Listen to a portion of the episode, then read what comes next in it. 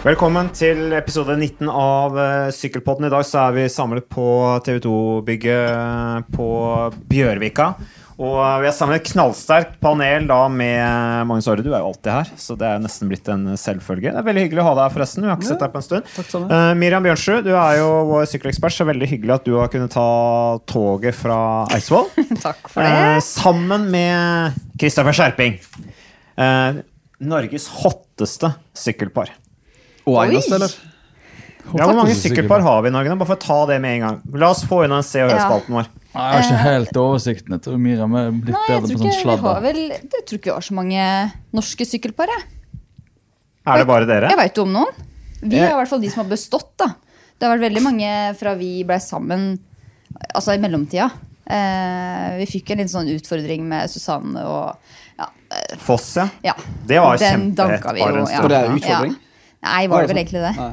Ja, er det sånn at dere så på det, de som en Vi tok det kjempeseriøst. Vi tenkte, nå må vi bare Nå må vi holde sammen. Slå dem. Ja, dere holder jo sammen ennå. Dere blir jo målt på det hver dag, altså.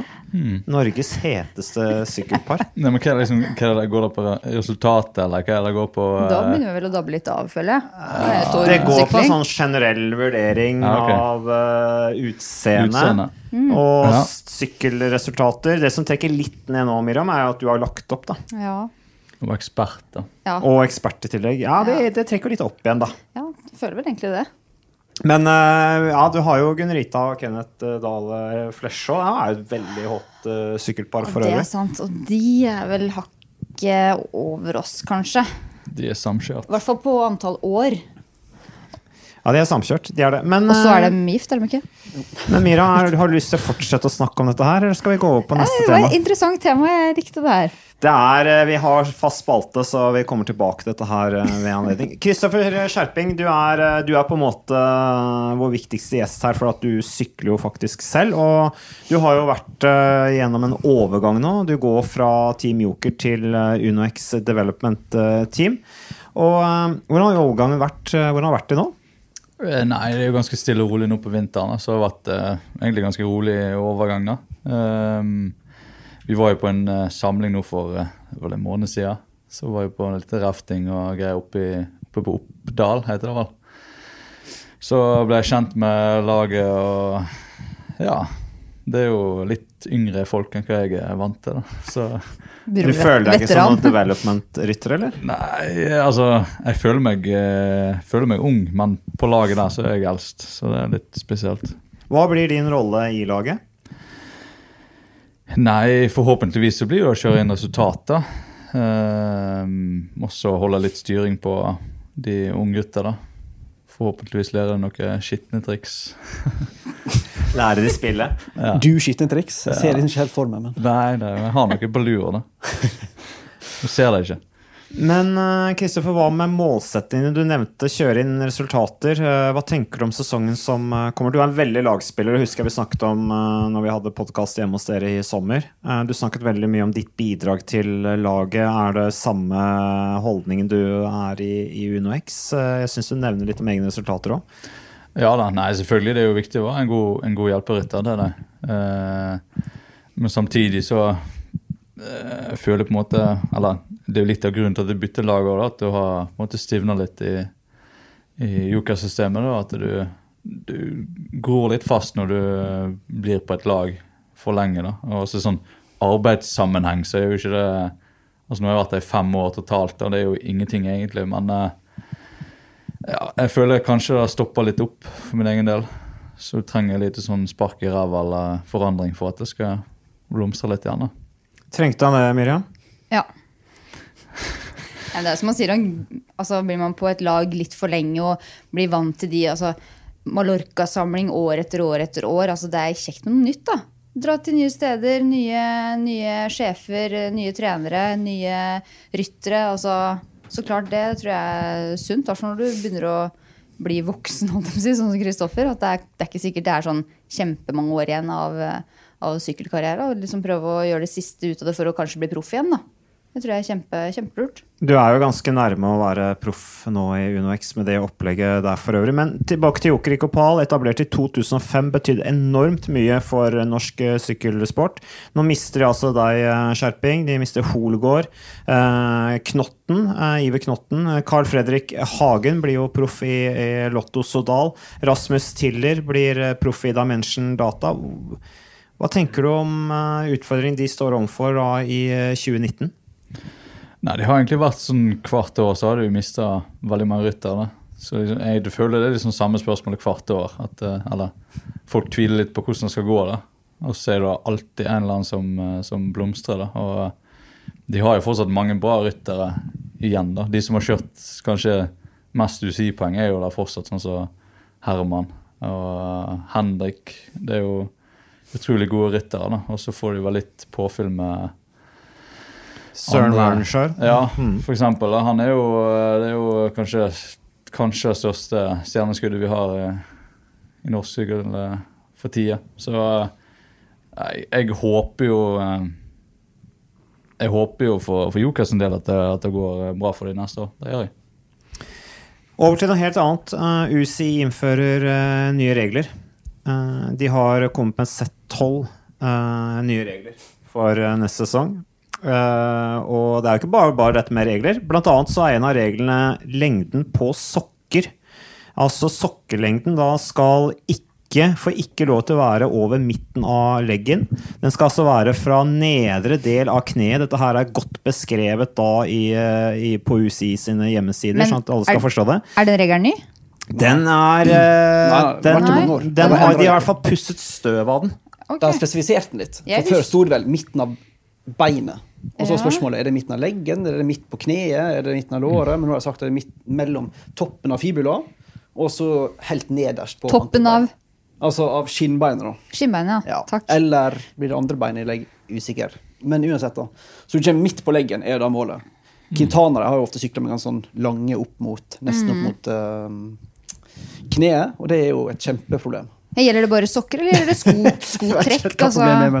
Er, Det gjelder overtrekks. Det er, gjelder også og sokker. Og det er som du sier, Magnus, at det er veldig bra Ja, at eh, Internasjonale Sykkelforbundet tar tak i dette, for det er som du sier et kjempeproblem. Ja, det, og den verste av de alle er Nairo Quintana. Men noen flere verstinger hva gjelder høye sokker? Chris Froome hadde noen veldig lang en periode. Ja.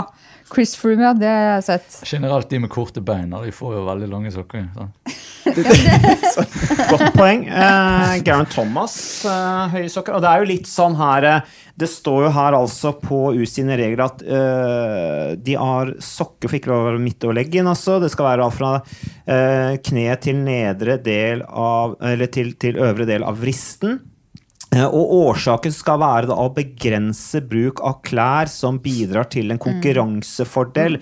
Les Marginal Gains, les Team Sky. Nytt forsøk på, Team Sky, eh, på å ta Team Sky fra UCI Nei, jeg syns altså, og ramme de på synes, det, det, et område det rammer verst. Jeg syns jo UCI får masse fortjent drit. Men det syns jeg faktisk er riktig. Jeg synes UCI er ganske gode i forhold til mange andre internasjonale idretts... Uh, skal jeg si, hva heter det, internasjonale forbund. På faktisk å begrense utstyrshysteriet. da. I sykkel så er det vanvittig sånn økonomisk sport. Men det utelukker mange fra fattige deler av verden. Annet. Så at UCI er så nøye på alt som har med drakter, utstyr, masse temposykkelregler som ofte framstår så rare. Men det er bare for å hindre at de rikeste med Sky i spissen skal kunne distansere resten. Det syns jeg er en veldig god og kommunistisk tankegang. At alle skal få lov til å kunne delta. Ja, For de som ikke vet det, så er altså Magnus Aare kommunist. Eh, Men eh, men- og jeg, helt- jeg syns det var en veldig god refleksjon, takk, Magnus Aare. Eh, Er vi enige i det, Kristoffer? Ja, jeg er helt enig. Det, nå har det vært litt sånn at du, du er liksom veldig usikker på hva som egentlig er regel. da. Så jeg har kjørt inn tempo nå eh, der oppe på, den oppe på Hafjellet. Og da er det liksom sånn Det er noen som sier at det ikke er noen begrensning på hvor du kan ha skotrekket. i. da. Og så var det noen som sa at ja, du må ha den midt på Eller der leggmuskel starter, eller noe sånt. da. Ja. Og så vet du liksom ikke hva som er regelen. Og så kom jeg på start, da, og da fikk jeg beskjed av dommer at du måtte ta det ned litt. Grann, da. Og- Seriøst? Så du har fått korreks pga. høye sokker? Ja, men da, eh, det har jo tydeligvis ikke vært noen sånn skikkelig regel til nå, da. Så det var rart at jeg fikk beskjed, egentlig. Ja, for det står heller ikke noe særlig om hvordan UCI har tenkt å håndheve disse reglene, eventuelt hva en straff vil, eh, vil være. Men uh, Jeg syns jo, ja. jo sokker i sykkel generelt er en uting. her, da. Jeg vet det er å banne kirka, men jeg mener at å sykle med ankelsokker er det mest estetisk, mest estetisk fornuftige du kan gjøre. Hæ, Det hvorfor? Jeg vet ikke, jeg er sikkert alene i Sykkel-Norge. Ja, men det, det må du begrunne Jeg sykler aldri så lenge mindre temperaturen tilsier det, med sokker over altså ankelsokkhøyde. Ja, men Magnus, Det ser du så er ikke syklist. ut med sånne lange sokker oppå leggen. Med sånne der Oi, oi, oi, pizza oi, oi. og folk har sånn rart på seg sokkene sine. Det ser uh, Skuffa du litt, Magnus? skuffende ut. Men hvorfor har man høye sokker? Ja, Eh, Miriam, kan vi forklare hvorfor har vi høye sokker? Er det noen grunn til det? Nei, altså når jeg begynte å sykle, da er det jo akkurat som Magnus sier, da sykla vi med kortsokker. Ja. Altså kortsokker og så én eller to centimeter opp på ankelen. Det var liksom veldig, veldig lave sokker. Og så, jeg veit ikke, det bare har skjedd en kjempeforandring. At sokka skal være lenger. Og det var liksom noen som sykla med tennissokker og den type, den type lengde på sokka. da. Og så, ja, blei sykkelsokka så lange. Og da, hvorfor veit jeg ikke. Jeg syns den triatlonlykken er bedre. Jeg. Altså, Men det er jo- som helst. Det er jo- ser ut som du bare har så ser det som du bare Nei. Men det er jo generelt eh, skomote. Jeg mener burde gjelde alle sjangre, ikke bare sykkel. Ja, Men så disse sokkene på leggen, det Nei. ser jo uh, Forest Gump eh, ut. Ha- Det fins jo ikke noe penere enn eh, veltrente sykkelbein, brune, med hvite sokker som går litt altså som akkurat, pass, akkurat passe opp på leggen. Du snakker til et sykkelpar her nå. Ja. Jeg, er faktisk, eh, jeg er faktisk enig med altså Ikke at det det fins masse ting som er mye penere, altså. men eh, eh, jeg skulle kjørt intervallet For eksempel i dag sykle-intervallet på rulle. Ja, men Det kan du ikke Nei, sammenlignes. men hadde jeg syklet intervallet i dag da, med kortsokker, hadde jeg garantert avbrutt økta. Det er såpass. Ja, jeg, jeg syns faktisk Altså, Du ser det ser rart ut, da. Ja. Beina dine ser rare ut. Ja. Jeg vet ikke Helt hvorfor, enig. men eh, det, det er riktig, liksom, når det Jeg er ikke opptatt av utseendet. litt Jeg kjører bare funksjon over. Nei, vet du jeg tror vi bare må jeg ta har et bilde kommentert av det. klokka di tidligere i dag, Magnus. Jeg syns den var veldig ålreit. Men en annen ting, altså det mest sjokkerende med de reglene her, er at det er ikke noen regler for nedre grense på hvor lave sokkene kan være. Det syns jeg er sjokkerende. Altså, ja, det er en, høy, det er en, det er en øvre grense, men vi burde jo hatt en regel på hvor lave sokkene kan være òg. Jo, men Hva sparer man mest på, da? Altså, Fins det materiale som er eh, raskere enn bar hud? Ja, ja, selvfølgelig. Ja, ikke sant? Det er jo derfor. Da bruker du heller det materialet i en sokk da, og drar den så langt du kan for å spare vindmotstand, i forhold til å ha en kort sokk eh, og tape tid. Men det er, sånn, det er faktisk litt tenkt litt på, da, den uh, regelen. Uh, hvis du lager løse bein som er, Raske. er, er samme stoffet som skotrekkene dine, Ja. hvorfor Altså, det er jo lov å kjøre tempo med skotrekk, liksom. ja, Men er det lov å kjøre tempo med løse bein? Ja, det var det jeg mente. Ja, det det- lov, er jo lov å ta tempo med. Ja. med løse Ja. bein. Ja, tips til Sky, da. Ja, de har jo drakter som er raske òg. De, fikk jo- de, jo- de fikk jo trøbbel med det for i fjor, da de stilte med i Tour de France på første etappen med disse draktene, disse Mm. Ja, ja. plastikkulene, altså som en golfball, da, den tempodrakten. Men altså, det er Hvorfor er det slik? Det er det store spørsmålet. Hvorfor skal det være regler på hvor høye sokkene kan være? Eh, og det står altså da i disse reglene at klær skal ikke kunne brukes til å endre fasongen til en rytter. Står det. Uh, det er hvis eh, de her sokkene skal endre fasongen. Uh, Det var jo en rar forklaring. Raggsokker. det er vel sånn som, med, altså, sånn som du så med mange skøyteeksperimenter altså på skøytebaner på 10-90-tallet. Vi har alle sett der, der du har lagt inn sånne her lange ting i drakta for å få mer aerodynamisk form. Ja. Hvis du da kan lage utstyr som gjør at du blir mer aerodynamisk enn kroppen din skulle tilsi, så er det juks. enkelt og greit. Jeg Sånn du kan legge inn en svær sånn bul under magen hvis det hjelper for å få en mer Aerodynamisk aerodynamisk altså, mage. da. Som Frank Schleck hadde på en tempoetappe i Paris-Nice Ja. for mange år siden. Hadde Stemmer. han den bulen på magen. Folk Ja trodde han var gravid. Her var ikke det på ryggen? Nei, det var faktisk på på magen. magen. Ja, men noen har på ryggen òg, da. Ja. Jan Ser ut som man har sånn camelback dessverre på ryggen. Ja. Ja, og det er jo ikke lov. Men Magnus, jeg syns at du har kommet med en veldig, mange, en veldig flott forsvar Takk. til Det internasjonale sykkelforbundet. Eh, liksom, med en litt sånn sleivete åpning fra meg, hvor jeg helt åpenbart prøver å gjøre narr av disse reglene. Så vi går over på neste, hvis ikke du har noe du vil Nei, jeg si tenkte Det er jo en eh, ting vi eh, snakket litt om på Joker, faktisk. Det var at uh, pupper, altså damer, da. Ja. Å ha pupper det er mer aerodynamisk enn å Ikke å ha. Ja. Synd at det er veldig få toppidrettsutøvere, altså syklister, som har pupper. da. Ja, men altså Burde ta silikon, da. Ja. Ja, Det er en mulighet. Jeg tror Det er er ikke det- ganske er ikke det lov, kontroversielt, eh, det, hvis du anbefaler det her nå, Miriam. Ja, men det er jo Er det mer aerodynamisk? Eh, Vekt, da. Det går jo på det igjen. Det går på vekt, tempo. Så det er jo, Vektløse silikonpupper.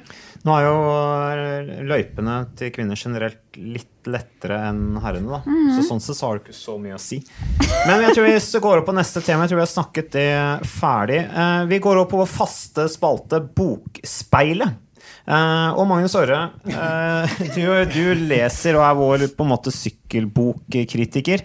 Uh, og du, da, du har nå en dom over den siste sykkelboka du leste, som var boka til Peter Sagan. Eh, hvordan var opplevelsen? Du har tvitra om det da, forresten. Jeg kan bare sitere deg på det. Den er 300 sider lang, eh, kostet 15 pund, eh, og tok, det tok deg ti timer å lese den. Og hva sitter du igjen med etterpå? Eh, jeg sitter igjen med at det ble sånn terningkast én, to-bok, som veldig mange andre sykkelbøker er. Uh, og mest fordi jeg er så, er så dritlei idrettsutøvere som for det første gir ut selvbiografier midt i karrieren. Og for det andre, når jeg først gjør det, gir ut en bok fullstendig blotta for innholdet. Det er bare sånn her eh, Jo, men altså, det, det er så frustrerende. For jeg har lest så mange biografier. altså Vi som jobber med sportsjournalistikk, vi må på en måte liksom Ja, du det er jo pensum. Ja, det er på en måte pensum. Da, sant? Du bør på en måte ha lest Uh, Tyler Hamilton og David Miller sine bøker hvis du skal jobbe med sykkel. tenker jeg da. Ja, men det er, den tar, Ja, og det er er- pensum. Men er jeg, når Sagan kommer en bok, tenker jeg, da må jeg lese den. tenker Jeg her, jeg har jo veldig sans for syklisten Peter Sagan. Intellektet Peter Sagan er jeg ikke så begeistra for. Men tenker at denne boka må jeg lese. da. Og så er det liksom bare det er 300 sider som jeg sier, bare med pjatt. Bare med selvfølgeligheter. Uh, kaste bort mye dyrebare tid. Uh, så da ble jeg ganske skuffa. Men som forventa, så eh, neste på lista Jeg begynte i går på sjølbiografien til Mesut Özil. Fotball, fotballens kanskje største geni. Betydelig bedre bok. Men tilbake til sagaen. Sto det noe om hvorfor han skilte seg? Nei, nei. Det interessante tok han selvfølgelig ikke Ja, med. ikke sant? Så det var mer en slags gjennomgang av hvordan han trente, og uh, hvorfor han syntes alt var så seriøst her i verden, og det var så dumt og greier. så mener jeg egentlig at du bør vente med å skrive bok til du er Absolutt. ferdig. da. Til du er ferdig. Ja, Da Da får du et helt annet syn på det. Nå, nå, det heldig, nå kan han en gi ut ei sånn uh, volum to-bok sant? om noen år. Og så volum tre. Og så kan han tjene masse penger på det som bare er sprøyter. Og det er noe som opprører meg ganske voldsomt, for det er- det er liksom plikta mi å bruke tid på det. Skjønner du hva jeg mener? Samme som du må passe på ungene dine, så er det jo min jobb som journalist å faktisk være opptatt på det som skjer i eh, sporten. Veldig god sammenligning der med å passe barn og lese bok. Eh, Magnus, eh, eh, eh, sa du ternekast? Ja, to, én Ja, to kanskje, da. Jeg har lest verre. Men Altså, David Beckham sine bøker er veldig dårlige. Lance Armstrong, noen av hans sine er ganske dårlige. Wiggins-boka, den har jeg lest, faktisk. Er den bra? Nei, jeg syns det var helt greit, da. Ja. Hva syns du? Jeg har ikke lest Wiggins sin. Ikke? Verken han eller Froome sin har lest i en slags sånn stille protest mot, uh, mot det kommersielle i sykkelsporten. Jeg syns jo Bradley Wiggins uh, kanskje bare blir mer og mer interessant i uttalelsene sine. Uh, og Ja, mer og mer frittalende. Så jeg Ja. tror på en måte at neste bok og neste bok bare vil bli bedre og bedre for hans del. I dag så hadde han jo Det var vel i går han hadde uttalt eller han, Jeg så han hadde en uttalelse om at han hadde snakket med Mark Cavendish. Eh, Og Cavendish gikk, det, ifølge Wiggins, da, som er sitert på dette her Ja, Mark Cavendish gikk rundt med en klokke til da 300 000 pund på hånda si, sier da eh, Bradley Wiggins. Og så sykler han da for Dimension Data, som driver med veldedighet og samler inn sykler til fattige barn i Afrika. Så jeg sa til Mark Cavendish, kan du ikke bare kjøpe Afrika, da? Jeg vet ikke helt hva han mente med det, men dette var han sitert på, da. Så han er jo frittalende. Ja. Men uh, har du lest, Miriam, har du lest noen gode sykkelbøker? Nei. Det har jeg definitivt ikke. Jeg vet ikke, Det er kanskje noe med når, når, når du er syklist sjøl, så du er så i det at eh, det siste jeg ville gjort, er å lese en sykkelbok.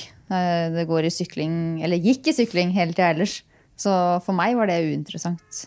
Jeg husker jeg vant Tor Husov sin bok en gang, da, i NM. Men du kan ikke lese den? den, jo, den har jeg ja, ja, men lest. Det var, jeg vet ikke Det var mye, bilder? det var mye bilder. Det syns jeg for øvrig var en god Den var en av de bedre. Ja. Der følte jeg faktisk du ble litt bedre kjent med Thor. Noe som må være poenget. når du gir Ja, det er det jeg tenker også. Det må være det som er poenget. Ja, fordi Tor Thor er jo litt sånn Han er jo ikke den som på en måte har avslørt for mye av seg selv. Vært lite se, hjemme hos Se og Hør. Han har et sånn stille macho-utseende, sånn- da kom den boka. Alle var litt nysgjerrige på en måte. Hvem er Thor Hushovd? Og den skapte jo også kontroverser ikke sant? med dette med Ja, ja, Lance med Lance. Armstrong, og det ble jo kjemperabalder etterpå, så sånn sett så ble det jo mye underholdning ut av det. Men eh, eh, for min Din egen biografi, da, Mats, en kommer snart? Nei, jeg tror kanskje ikke at eh, jeg vil oppleve å se de gøy. dårlige salgstallene. så, så mye har ikke jeg tenkt å nedverdige meg sjøl. Tim Krabbe sin eh, bok som heter bare 'Sykkelrytteren', eh, kan jeg absolutt anbefale deg. Der er det gullkorn, som eksempel hvor det står sånn liksom sykkelsportens gylne regler. Du skal ikke spise opp din tallerken før konkurrenten har spist opp sin. Du skal være den første til å støte sist. Altså, det er liksom, litt sånn sånn, ting hvis du, hvis du leser den boka, så er det sånn du blir på en måte rikere Men altså, du blir jo en rikere person da, av å kunne sånne ting, tenker jeg da. Eh, ellers, uh, boka til Lance Armstrong is not about the is not only Ja, den about the første bike. boka der er ganske Ja, den syns jeg var kjempeinspirerende. Klart Den selger ikke så bra i dag, men uh, den gang var det en fantastisk eh, bok. Ja. Men eh, videre, da har vi tatt bokspalten. Uh, Francé de Sjø, Groupama, de starter sitt eget utviklingslag. For å ta litt nyheter. Budsjett 1,2 millioner euro, det er ca. 10 millioner kroner. Dette her er altså kontinentallag på samme nivå som da de norske lagene Joker, Coop og UnoX. Uh, det er ingen minimumlønn da for uh, Conti-ryttere. Eh, offisielt sett. Uh, men alle rytterne i Gruppama, da FDJ Continentala, de får lønn og forsikringer av arbeidsgiver fordi at de, i, Frank fordi at de i Frankrike blir ansett som proffer. Uh, og alle rytterne i dette laget skal i, også gjennom en viss form for studier mens de er bosatt da nær hovedkvarteret, som da skal være Besançon øst i, i Frankrike. Så her uh, satses det. Det er, uh, det er flott. Det er noen som har noen kommentarer? Nei, jeg er flink i Frankrike, da. Fy søren. Jeg, eh, nå var det tidligere år jeg hørte at det var Eller sånn som du sa, da, at i frans, liksom når det er kontinental, at du er, faktisk er proff. da. Og det har jeg egentlig ikke visst før i, før i år. da. Og, Sånn er det jo i Spania, at du regnes jo som proff når du blir kontinentalrytter. Ja. Så vi i Norge teller jo hermetegn feil, da. Når vi sammenligner, og vi er bare tolv proffer sammenlignet med Spania, som har fått 200. Så har vi egentlig mange flere, hvis du teller på samme måten. Veldig, jeg hørte òg at det var liksom én million euro var minimumsgrensa for et kont... Eller liksom var sånn eh, Alle kontilag måtte ha det da, i Frankrike. Så det er jo utrolig bra sikkerhet for, eh, for rytterne òg, da. Og så ser du sånn som de der eh, Altså du har klubblag i Frankrike som er helt vilt eh, gode. Det, er altså, det er jo klubblag i Frankrike som er som eh, norske kontinentallag, da. Så eh, det er liksom eh, Det er noe hakk foran oss der, altså. Frankrike er jo faktisk et land som har vært kjent nå i årtier egentlig for å ha veldig ordna forhold. Eh, Jeg husker jo når jeg var proff på 2000-tallet, så var italienerne ville til Frankrike og sykle i Frankrike. Der var det skikkelig lønninger, der var det orden på sakene, ikke noe tull. Eh, Så Frankrike går foran eh, som, en, eh, som en nasjon som, som setter standarden, kan vi vel konkludere med. Men over på noe helt annet. 1999 så vant altså Andrea Tafi Paris-Roubais. Han er 52 år gammel, og nå vil han gjøre comeback i samme rittet, brosteinsrittet. Og det sies at det er i Dimension Data. Det kan vel ikke stemme, kan dere? Ja, det er sprøyt. Altså, sånn som du er kjenner, sånn som du kjenner Doug Ryder, så kanskje skjønner at han som er en så er en utrolig fin fyr, da, for det første, men han er også veldig sånn seriøs og veldig sånn knytta til liksom det Afrikaprosjektet, og vi skal bare ha sunne verdier, og alt skal være fornuftig, og vi skal gi tilbake. Da, kanskje. Jeg ser ikke for meg Doug Ryder å ta imot Andrea Tafi på et sånt kommers... eh, Det er jo en del av en slags sånn dokumentar han skal lage om seg sjøl. Jeg kan ikke skjønne at Doug Ryder sier at vi tar inn Tafi til Paris-Roubais. Det kan kan ikke stemme. Jeg er helt enig. Jeg, jeg, jeg trodde det var tull når jeg eh, leste det. Jeg håpet det var tull. Selvfølgelig har han sikkert kjempemye å komme med, men du tenker liksom sånn eh, Så utrolig pressa alle World Tour-lag er liksom Ja. på sånne plasser. da. Det er så sinnssykt lite plasser. altså Tenk i forhold til fotball og andre idretter. da. Så er det sykling som er liksom sånn Det er så lite mm. skikkelig proffer, da, for å si det sånn. Og så skal du ta inn en, eh, en sånn som skal prøve på et sånn eh, vil- stunt, liksom. Det virker helt rart. Synd for Rasmus Tiller da, hvis han Ja, ikke får den syvende plassen i Paris B. Tidligere var det åtte, nå er det syv. Eh, Pga. Andrea Tafi, som skal realisere en da går eh, litt forsinka 40-årskrise. Ja, nei. nei det, det er akkurat det. Liksom, at han kan ta plassen for en ung rytter, og det er helt sinnssykt, egentlig. Altså, altså, sorry, Mac. Er det noen som har lyst til å se Andrea Tafi sykle? Jeg savner ikke Andrea Tafi. Jeg husker han eh, tilbake i 2004-2005. Han Duval, husker jeg. Råtne dager der. Uh, ingenting med Andrea Tafi jeg har lyst til å se i eh, 2018. Forresten, bare Du sykla kanskje mot han et par ganger? da? Uh, Jeg sykla jeg Bare én ting jeg glemte å si om disse sokkene. Vet du hvem som innførte lange sokker? Andrea Tafi? Nei, det var jo, eh, det var nettopp i Sonjer Duval. Eh, rundt 2006 så begynte det å komme med Kobo. Var den Legenden? første Den deprimerte elektrikeren fra Torla Vega? Ja, som vant uh, Spania rundt uh, Når var det? 2011. 2012 eller 2011 var det.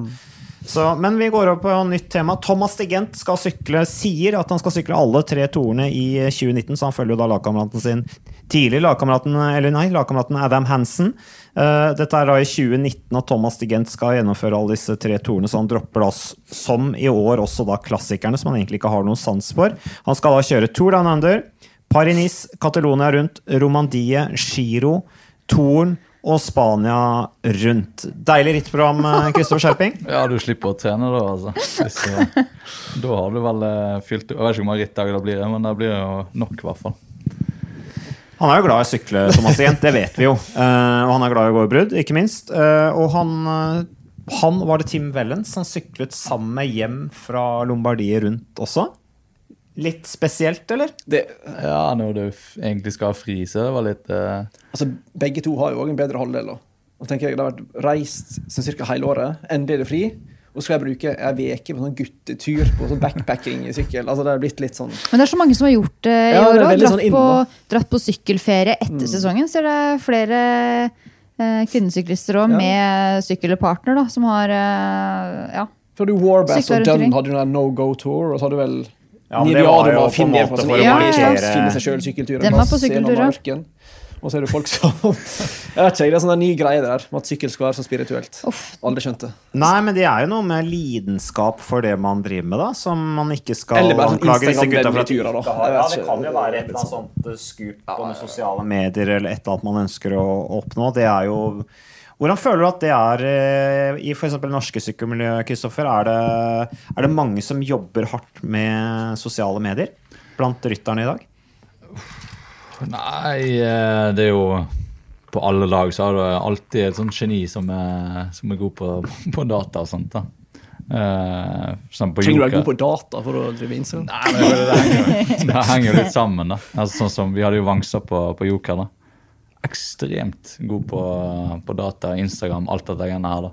Altså Han kan eh, sitte og redigere videoer helt i det skjulte, liksom, og så kommer vi på middagen, og så har han lagd den videoen på, på Instagram. Noe sånn, altså, ingen av andre som hadde hatt sjanse til å få til noe lignende. Han slår meg som en type som kunne fordype seg i sånt. Ja, veldig. Men altså, det er liksom han gjør det så kjapt òg. Okay. Du kan sitte liksom og snakke om han, så sitter han med dataen.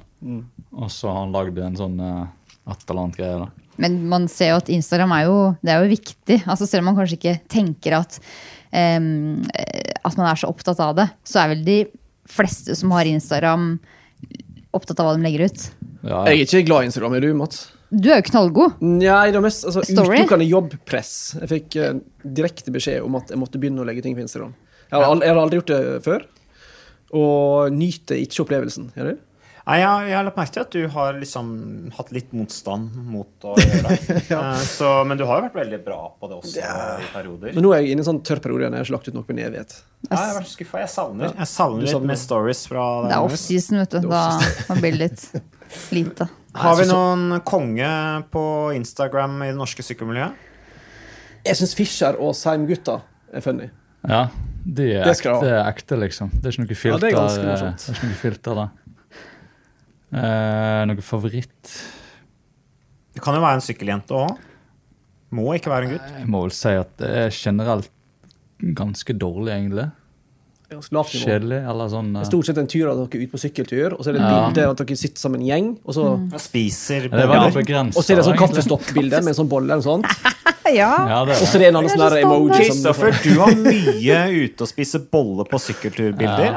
Og videoer har du ikke det? Ja, men det er da du sitter liksom eh, Da har du tatt fram telefonen, da. Nei, jeg sliter faktisk med å, og, eh, Finne motivasjon. Ja, og liksom ha en sterk Instagram, da. Men jeg, ja, faktisk på, på Kendal så var de ekstremt opptatt av det. At alle måtte være på sosiale medier. Og da hadde vi en konkurranse på, på Instagram. da. Og eh, hver måned så kunne du vinne så og så mye penger. da. Og så fikk, var det en sånn sammenlagt for, eh, for hele året. da. Hvem som vant, da? Finni? Jeg lurer på om han, eh, han Alex House, tror jeg. Ah, ja. Ja. Han er jo ganske bra, da. Han er flink. Det er interessant. Eh, Nå, vi, nå var det egentlig ikke på programmet at vi skulle snakke om, eh, om eh, EF Education, men de har jo noen nye tanker om hvordan man skal Det kan vi ta en egen podkast på for øvrig, når den tid kommer. Men vi snakket om mammaperm. Ikke det at det skal være noe hint til, til dere. Eh, det er gjelder mammaperm for kvinnesyklister, som da skal være en del av Ørto-kontraktene fra 2020. Eh, I tillegg til minimumlønn på, 100 og, nei, på 15 000 euro, som er ca. 120 kroner. Eh, første 120 året for, 000 kroner. 120 000 kroner, takk. Første året for så da gradvis øke da, for å gjøre forskjellene mellom menn og kvinner mindre fra 2023. Og permisjonen er på tre måneder, da, hvor rytterne har rett til 100% lønn i den perioden. Og så er det da pluss fem måneder hvor de da skal få 50 av lønnen. Eh, Så dette her er vel en positiv utvikling, eh, Miriam? Veldig interessant. Det tror jeg kanskje kommer litt i etterkant av at um, Av uh, Lizzie. Armistead, holdt jeg på å si. Det er ikke det vi heter nå, men etter at hun uh, har fått barn. Og, Danen, ja. ja, og hun er jo uh, Altså, starta jo å trene nesten med en gang etter at uh, ungen var ploppa ut. Så det, det er kanskje litt derfor òg at, at de starter med, med mammaperm. Og det er jo en kjempeidé. Da. Det er jo veldig mange kunstsyklister som ikke har den høyeste lønna, og i tillegg når man velger å få barn, så, så er man jo, altså, da står man uten jobb. Du har ikke noe inntekt. Ingenting. Altså, Skulle bare mangle, skulle hva gjør man da? Ja. Men, men man, Jo, lønn nå skulle jo bare mangle. Men det har jo ikke vært altså, Det kommer i 2020. Jo, jeg Minstelønn for Lønn vil jo være litt sånn betinget av hvor masse interesse det er i markedet for å betale for den underholdninga. Men altså, en sånn grunnleggende rettighet som mammaperm skulle vel være en helt naturlig ting av et arbeidsforhold. Ja, Det er ma mange ting som skulle vært naturlig eh, hvis du går inn på det, Magnus. Jeg får ikke håpe at eh, denne ja. minstelønnen tar, eh, for minstelønn er jo noe knekken på skummel. laget. sant? Jo, men det er akkurat det du gjør. Det er akkurat det du gjør. For Og 120 000 er jo Altså, du går fra in ingenting til 120, da. Det er ganske ekstremt, altså. Mm. ja, Og så skal du er ha 20 ryttere, da, eksempel. mange lag som ikke kommer til å bestå, ja. Det, det er det. Da har du liksom sprengt budsjettet før du starter. Men det var jo snakk om at det på en skulle være to dimensjoner, er det ikke da? Et worldtour, eh, og så er det hakket under, men at du fortsatt er proff. At da har du ikke de reglene, da, hvis du har hakket under worldtour. Det er altså på en måte slags sånn selvstendig næringsdrivende uh, som har kontrakt med profflag, og så er det de som er ansatt i profflaget, altså som en, en vanlig ansatt, da, mm. som har ansattkontrakt. Eh, vi skal ikke gå inn i altfor mye detaljer på det, men det er i hvert fall en positiv giv nå for å Helt løfte all, altså alt rundt damesykling. Og vi skal jo også på TV 2 i 2019 sende worldtour-rittene eh, til, til damene. Så det ser vi fram til. Da blir det sikkert en del eh, kommenteringsjobber på deg, Miriam. Eh, norsk damesykling, eh, over på det. Eh, det er eh, Tidligere denne uken så var jeg på et trenings- og konkurransefellesskapmøte, som eh, er et initiativ fra Aske sykkelklubb og Bergen sykkelklubb. Det skal da gjelde alle norske Det skal altså da være tilbud for alle Ikke alle, det skal ikke være tilbud for alle norske klubbryttere, men det skal da plukkes ut da, blant uh, ulike klubbrytter. Det ligner veldig på Dare Bike Development Team, sånn som det er uh, bygd opp. Og målet er å ha et budsjett på 1,5 million uh, norske kroner da i eh, 2019, og at dette her skal da utvikle seg til å bli et profflag allerede da fra 2020 med 9 millioner kroner i eh, budsjett. Eh, og jeg eh, syns jo at det er, eh, er spennende. Og på denne samlingen så var eh, Line Marie Gulliksen, eh, og vi kan høre hva hun sa i en prat jeg hadde med henne i etterkant. Jeg så på Asker eh, klubbhus, eh, og det har akkurat vært en eh, samling med en ny jentesatsing. Og Line Marie Gulliksen, kan ikke du fortelle litt om, om det som er på gang her med dette konkurranse- eller treningsfellesskapet med, med Bergen? Eh, tanken er jo, eh, eller har utsprunget fra at eh, det skjer mye i gjensyklingen. Det har vært stor utvikling de siste årene, kanskje sånn spesielt de siste to årene, hvor vi ser at det kommer mange nye jenter til. Og vi trenger et toppnivå som de har å se frem mot. Da. Man trenger noe å satse mot, og se at det er en vei videre fra juniornivå og norgescup. At det fins en hel verden der ute for mye høyere nivå.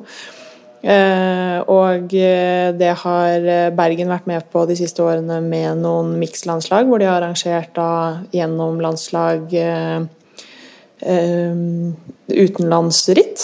og da samlet en gruppe jenter som ikke har de mulighetene gjennom lag. Så i Norge per nå så er det jo kun Hightech Product som er et registrert lag, som sykler da en hel sesong ute. Og så ser vi at eh, flere og flere av de norske jentene søker ut mot eh, bl.a. belgiske klubblag. eh, Der de får muligheten til å sykle en del av i hvert fall nest øverste nivå. Da. Og det vitner jo til at vi har potensialet til at flere kan sykle der ute.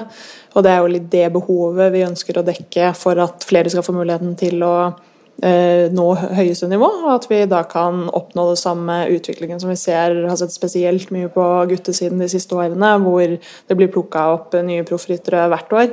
eh, Som er en kjempespennende utvikling, og det håper vi å kunne se på jentesiden også, da, med norske syklister. Men hva blir din rolle her i det fellesskapet? For at du skal jo selv til utlandet og sykle for denne satsingen til Andy Schleck i, i Luxembourg. Hvordan skal du bidra inn her i dette miljøet i Norge? Eh, Jeg mener jo, det har jeg jo Jeg har vært i Hightech Products nå i drøyt år, eh, og eh, mener at vi som får muligheten, har et ansvar med å ta med vår mulighet til å utvikle oss hjem. Så jeg har vært veldig bevisst på å sykle f.eks. Norgescupen. Og prøvd å få med meg også jentene på Hightech på, på å gjøre det, sånn at vi sammen kan vise at det å sykle ute gir resultater. Eh, og der har det bl.a. vært eh, det å kunne ta med det fellesskapet man får ved å være et lag i utlandet hjem. Um, og jeg håper å kunne fortsette å gjøre det da ved å være Nå er jeg jo i kontakt her med Asker og Bergen, da. Om å prøve å få til eh, noe av det samme i Norge med de norske jentene. At vi faktisk kan skape et sånt fellesskap uten nødvendigvis at alle må være ute og sykle. Men eh, at kan, de som er ute og sykler, kan ta med seg den kunnskapen og den utviklingen hjem og lære til de andre, sånn at resten av feltet også kan eh, få glede av den utviklingen som skjer ute. Så det blir liksom en slags mentorrolle, det da, som du har i den satsingen som nå vært, dere nå har vært samla rundt eh, her i kveld i, i Asker sin Askers idrettsklubb eller skiklubb sine lokaler. Jeg har jo vært eh, i samtale med bl.a. Bergen sykkelklubb eh, i egentlig hele året, for jeg har vært med på en del av disse mikslandslagoppdragene. Um, og vi har da sammen egentlig snakket om at det er, vi, vi, vi ser at dette behovet er der, og vi vet at det er mange aktører som også ser det. Uh, forbundet får flere forespørsler om hva som skal til og hva som mangler og ved å registrere lag. Hva er reglene for å registrere lag? Men det er aldri noen som kommer seg over den terskelen der man snoker litt i mulighetene. Uh, og litt av det er nok fordi man har high-tech, eh, så folk er usikre på om det er nok jenter, om det er nok gode jenter. Eh, har vi det som skal til for å dekke et helt lag til? Um, og jeg mener personlig at vi har det, eh, og spesielt med tanke på at high-tech også ofte bruker noen utenlandske for å fylle, fylle et lag. Da. Og eh, jeg, selv, altså sånn, jeg har selv sett det behovet, og jeg ønsker det for utviklingen. Jeg syns det er synd hvis vi skal stoppe det vi har fått til eh, med utvikling på kvinnesiden. Og nå når det også skjer veldig mye med f.eks. TV-sendinger, og det blir mye mer eksponert verden over, eh, men også i Norge, eh, så det begynner å skape mer interesse også blant mennesker i Norge, rett og slett. Sporten har mye større fokus. Og sport er kanskje en av de stedene hvor likestilling i Norge fortsatt står veldig tilbake. Uh, og sånn, på flere sporter så ja, så kan man kanskje si at det er to, to, ulike sporter når det er kvinner og menn, som, fordi man har type begrensninger, sånn som i fotball og håndball, hvor banene er like store, men det er like mange spillere, men det er ulike kjønn, som gjør at det f.eks. vil gå litt tregere på en større bane. Sånne type ting.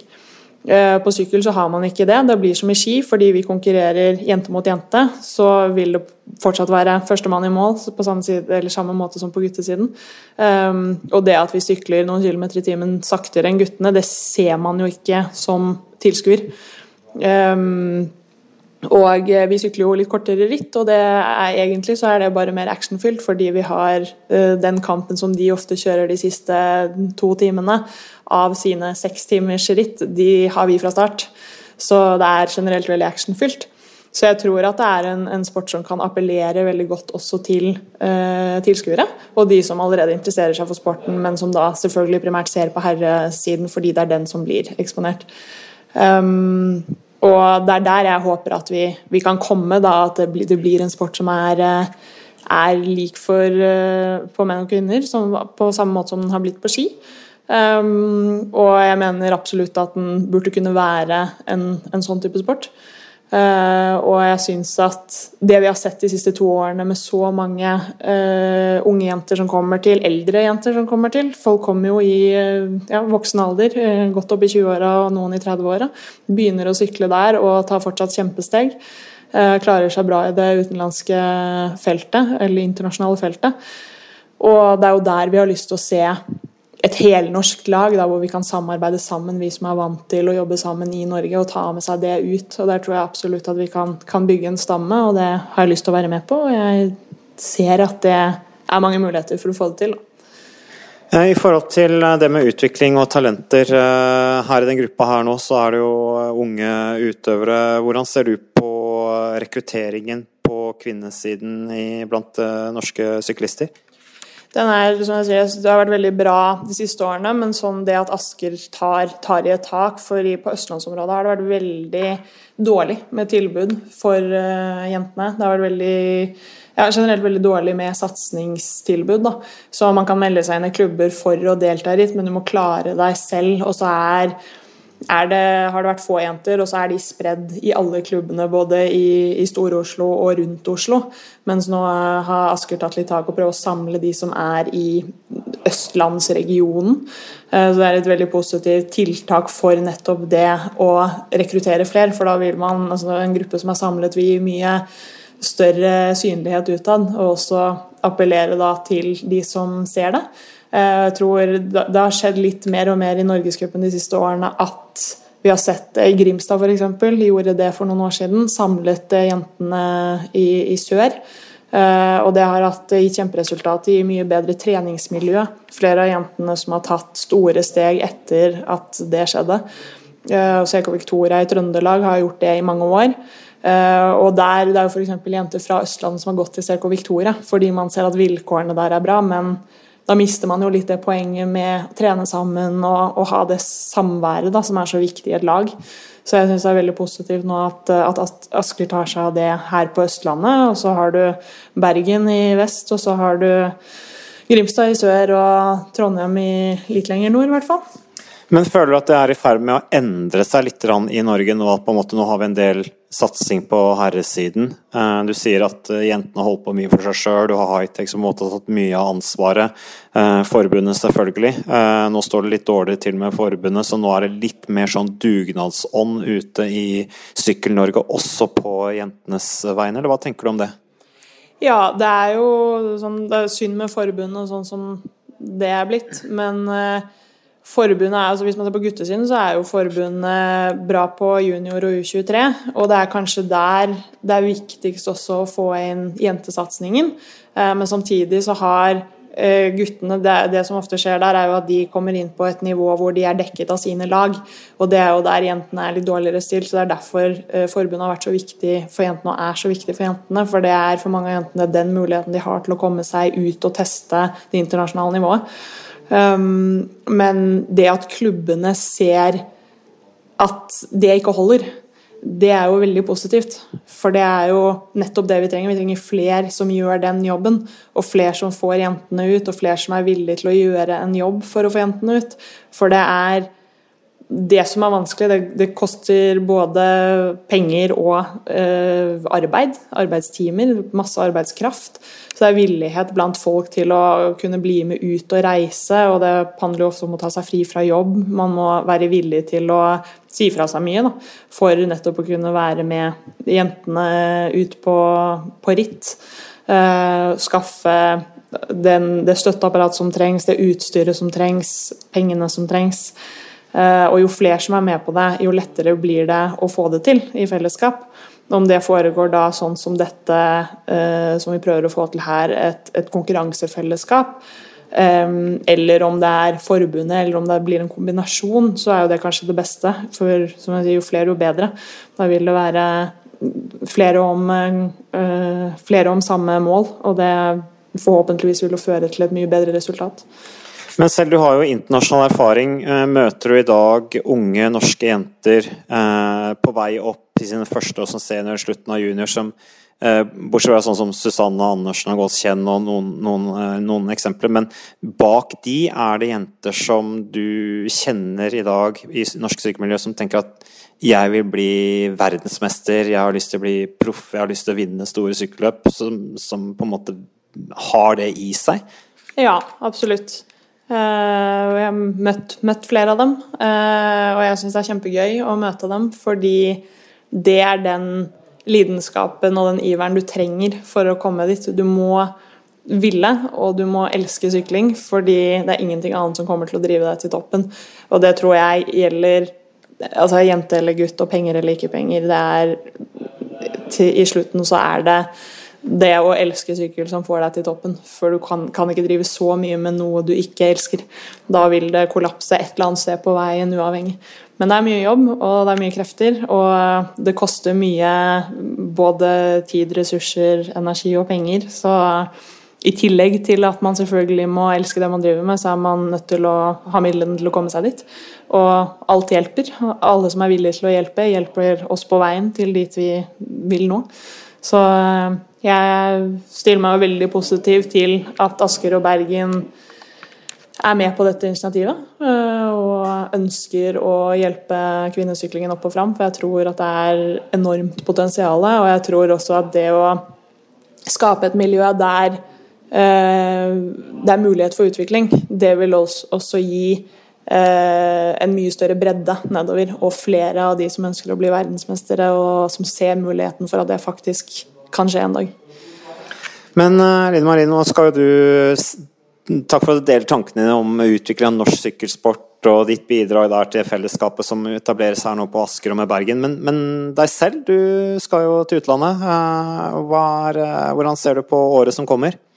Jeg ser på det med sultne øyne. Jeg tror det blir en veldig stor mulighet for egen del, egen utvikling.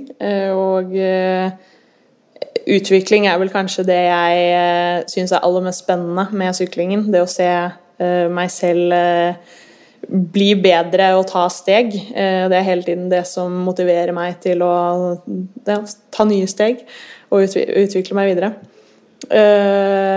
og jeg tror det å gå til et lag som på papiret er mindre enn der jeg har vært i år, eh, egentlig er et steg i riktig retning for min del, fordi der vil jeg også få Jeg vil ha en annen rolle i det laget, og jeg vil nok få muligheten til å kjøre litt for egne sjanser. Eh, og eh, det tror jeg også vil gi mye tilbake utviklingsmessig for egen del. Eh, og få, få de mulighetene til å til å avslutte da, og ha, være sulten på å komme i mål først. Ikke nødvendigvis bare gjøre jobben Eller bare, det er feil å si. Men uh, ikke nødvendigvis være den som gjør jobben og har målet halvveis eller et sted på veien. Um, men jeg har lært utrolig mye av å gjøre det i et år. Uh, og ha uh, folk som Susanne, som til tross for at hun er veldig mye yngre enn meg, er veldig mye mer erfaren enn meg. Um, jeg har lært veldig mye av henne, jeg lært veldig mye av Thea Thorsen, som har syklet i mange mange år som hjelperytter, og som uh, rett og slett kan lære deg mye om både det å sykle i felt, men også det å uh, Også det å uh, angripe et løp i den rollen du har. Enten det er å være den som skal krysse målstreken først, eller den som skal komme halvveis først. Eller den som skal ta med seg laget ut av start. Altså det, er, det er mange deler i et sykkelritt, og laget bidrar til at alle de delene blir mulig. Så eh, jeg ser veldig frem til å kunne bruke den erfaringen jeg har, uh, har fått, og også få muligheten til å få mine egne sjanser. Men vi kommer til å ha primært base i Norge, veksle mellom Norge og Luxembourg. Er det sånn det blir? Ja, jeg, blir, eh, jeg har leilighet i Oslo, eh, så jeg blir eh, boende der sånn permanent. Men kommer nok til å De, har jo base i Luxembourg, så det blir jo utgangspunktet for mye av rittene. Det er Luxembourg og Belgia. Um, så det blir, eh, blir, nok en del lengre opphold der. Det hadde jeg også i fjor og for så vidt året før, på ja, en måned og to av gangen. Men uh, Nå sto det litt om det procycling.no, men uh, hvordan er det med samling med lag? og har du på en måte, Hvor mye kontakt har du hatt med de frem til nå? Uh, frem til nå så har jeg kun snakket med han laglederen, skypet med han og har sendt en del mail. Eh, for å avklare alt det som står rundt med kontrakt og utstyr og ja, det som skal skje. Eh, så første samling blir i slutten av februar eh, med hele laget. På Mallorca, så det blir jo spennende. Der er det jo fint å sykle, så jeg satser på at været er med oss i år. Og så blir sesongstart i begynnelsen av mars med de første rittene i Belgia. Så det er startplanen. Og så blir det vel relativt tett med ritt, i hvert fall kombinasjon av norsk og utenlandsk rittplan. Da ønsker jeg deg lykke til, Linn Maria. Så får du bare trå til. Tusen takk for det.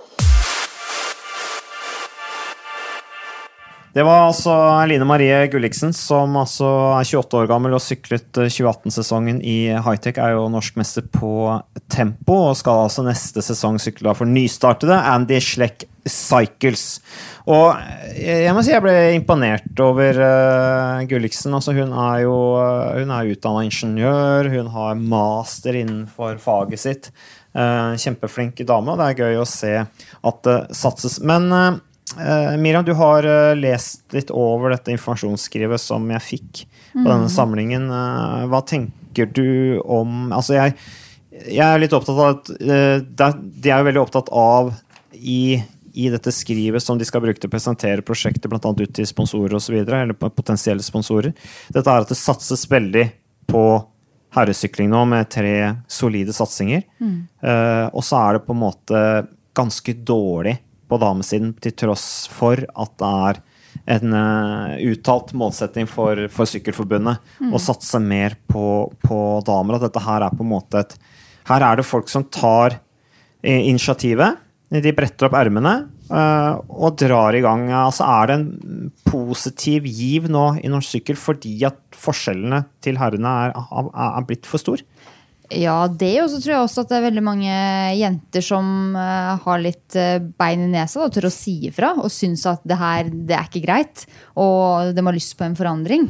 Det tror jeg også har veldig mye å si. Men eh, helt klart en positiv utvikling. Og jeg tror det vi har sett litt tidligere, er at liksom, klubbene har tatt litt ansvar for satsinga sjøl. Og at de på en måte, CK Victoria bygde opp kjempe, kjempelag. Men når man gjør sånne ting, så på en måte stjeler man alle de gode rytterne i feltet. da. Det ble på en måte Seco Victoria mot high-tech. ikke sant? Og da får man jo den Det blir på en måte en eh, litt feil utvikling, spør du meg. da. Eh, så det vi ser nå, at de på en måte heller prøver å få med seg flere av de gode rytterne fra eh, hver region, eh, det tror jeg er kjempelurt. Også ta med junior og senior. At man på en måte eh, man kaller det, altså passe litt ekstra på akkurat denne overgangen junior-senior. For den er veldig veldig tøff på kvinnesida. Du går rett fra å konkurrere mot, mot eh, ja, for all del gode juniorsyklister, men så skal du konkurrere i verdenstoppen mot uh, verdens beste kvinnelige syklister. Det er beinhardt, og det er mange som syns det er altfor tøft. Og ser ikke, altså ser ikke enden på det. da, At, det skal, at de skal kunne klare å, å bli så gode noen gang. Så det at de på en måte skal konkurrere litt sammen, altså trene, dra på treningssamlinger sammen og, og bygge, bygge, en ramme rundt det. Det tror jeg er kjempepositivt. Så vi ønsker da det konkurransefellesskapet som vi ennå ikke helt vet eh, navnet på, men som da er et initiativ mellom Asker og Bergen, eh, de ulike sykkelklubbene der. Eh, Veldig masse lykke til. Magnus, du ser litt betenkt ut. Det er, du begynner å bli litt trøtt. Det er seint. Ja, det er en ting. Men jeg er litt sånn um, Jeg støtter jo alle sånne tiltak.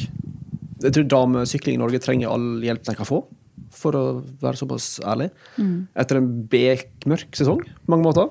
Bekmørke sesonger, faktisk. Det er lenge siden det har vært noe særlig høydepunkt. Og jeg, jeg hyller tiltak her, men det blir jo alltid litt sånn her um, Det er utrolig mange dameprosjekt som blir starta, eller som skal startes. Og så håper jeg å få på plass sponsorer, sånn som Brian Cookson, for eksempel, nylig, altså tidligere UCI-presidenten, sier at jeg starter damelag. Og dette kommer til å fikse. Nå kom han nå forrige uke og sa at jeg har ikke penger, så jeg må utsette et år. Du ser veldig mange av dem, da, så jeg håper bare at det konkurransefellesskapet der får på plass litt penger litt fort, så du slipper på en måte å måtte utsette til 2020, og så 2021, og at du faktisk finner folk som er interesserte ganske fort som du faktisk kan eh, sjøsette det, og ikke bli stående på vent. Sånn som veldig mange dameprosjekt, i alle fall internasjonalt, eh, blir. da. Og uten high-tech neste år, det skal nedgraderes til en slags sånn Hva skal jeg kalle det? Elite. Altså Det er jo ikke på på proffnivå lenger, det blir jo da en slags eh, ja, hva skal jeg kalle det? Elitesatsing. Altså, du beholder litt færre ryttere, bare ett program og litt mindre penger. involvert. Så trenger du all hjelp du kan få. Altså, for at, um, det vi så i 2018, og norsk damesykling, det var ikke godt nok for verken de som sykler sjøl, tror jeg, eller uh, for vi som uh, heier på dem. Er ikke enig? Jo, jeg er enig i det, så vi håper at det blir en giv. Og så er det jo mye sånn spennende som skjer. Det bygges velodrom på Sola, det er planene om velodrom på Asker lever ennå. Så jeg er optimist med tanke på norsk sykkelsport. Det syns jeg vi skal være. Kristoffer, eh, hvordan eh, trener du om dagen? Jeg syns du er tynn i kjakene. Tynn i kjakene, det er bra. Alltid bra. Uh, no, nei, det er Får du ikke mat hjemme? Nei. Nei, jeg jobber jo bare. Hun er på jobb, vet du, så da Sitter du og ser på sitter og sitter og ser på TV. Og... Nei da, det trenes bra, ja. Så eh, det har vært utrolig bra forhold denne høsten her. da. Sykler fortsatt på racer, og det er jo i ja, midten av november. Så eh, Nei, det trenes bra, ja. Så eh, ja. Det blir jo sånn, du sier samme, samme greiene hver vinter, liksom, at dette her kommer til å bli jævla bra. Er det noen ryttere som er ekstra tent, som du har lagt merke til eh, rundt om de du trener med, som er ekstra på hugget? Nei, ekstra på hugget, det vet jeg ikke. Det er jo alltid litt sånn eh, Litt sånn eh, tøft den perioden her, da, fram til jul. Men eh, en jeg har veldig trua på neste år, er egentlig Kalle i, i, i Lotte. Han Jeg tror faktisk han kommer til å ta den overgangen ganske bra. Har du trent med han? Nei, det har jeg ikke. Det blir litt, eh, det blir litt langt. Men jeg ser at han er, han er ute og trener stort sett eh, hver dag, så han er, han er alltid ivrig, vet du. Jeg kom i fare for å eh, sykle forbi han. Altså Ikke at jeg sykler forbi han, da, men andre veien. eh, i, I bunnen av um, Tryvann her for ikke lenge siden. Du passerte Carl Fredrik Hagen på vei opp Tryvann? Nei, altså motsatt. Altså, jeg tenkte slutt, og Nå er det fint vær, tenkte jeg nå skal jeg ikke jogge, nå skal jeg ta en sykkeltur. Og så var det godt driv, følte jeg. Og så kom jeg inn i, i bunnen der, tenkte jeg går bra. Og så fyker en fyr forbi eh, sånn her irriterende blå joker uh, i kopaldrakt, så så jeg det var han. da. Så da tenkte jeg Jeg snudde, snudde jeg, sykla hjem igjen. Faktisk, ja, men det gikk så bra. Ødela helt motivasjonen Ødela hele turen. Jeg har sagt til han òg, det er dårlig gjort. For at du, du blir så satt på plass. Så han har noen intervaller, da. Det hjelper ikke Da må meg. du ikke dra til Tryvann, Magnus. Nei, men det var en veldig sånn demoraliserende opplevelse. Da snudde jeg og sykla hjem. Og så så jeg på sykkel på TV isteden. Trøstespiste du også? Nei, Så det var tungt. Men uh, ja. Livet er hardt. Ja, livet er hardt. Du får Men- Men, sykle opp til Romerike neste gang. vet du. Da, Der går det seinere. Da der går, der går, der går litt senere. Kristoffer inviterer deg til å ligge på hjulet hans på Romerike. Hvis det ikke er, er noen, dere skal ut og spise middag, Ja. eh, og dere er allerede over tida, Ja. sånn at eh, da skal ikke vi holde dere igjen. Men vi takker for at dere tok turen inn hit i eh, Sykkelpodden Studios. Uh, takk til deg, Magnus Aare, som stiller opp nok en gang, trofast som du er. Jeg er på jobb, da, så det er jo ikke så Ja, det er vanskelig det, for meg. så det skulle bare mangle. Men uh, også ønsker vi deg, Kristoffer, masse lykke til videre med treninga. Jo, tusen takk. Og så følger vi med. Og Miriam, du er på hugget som vanlig. Jeg er på hugget. Takk, takk.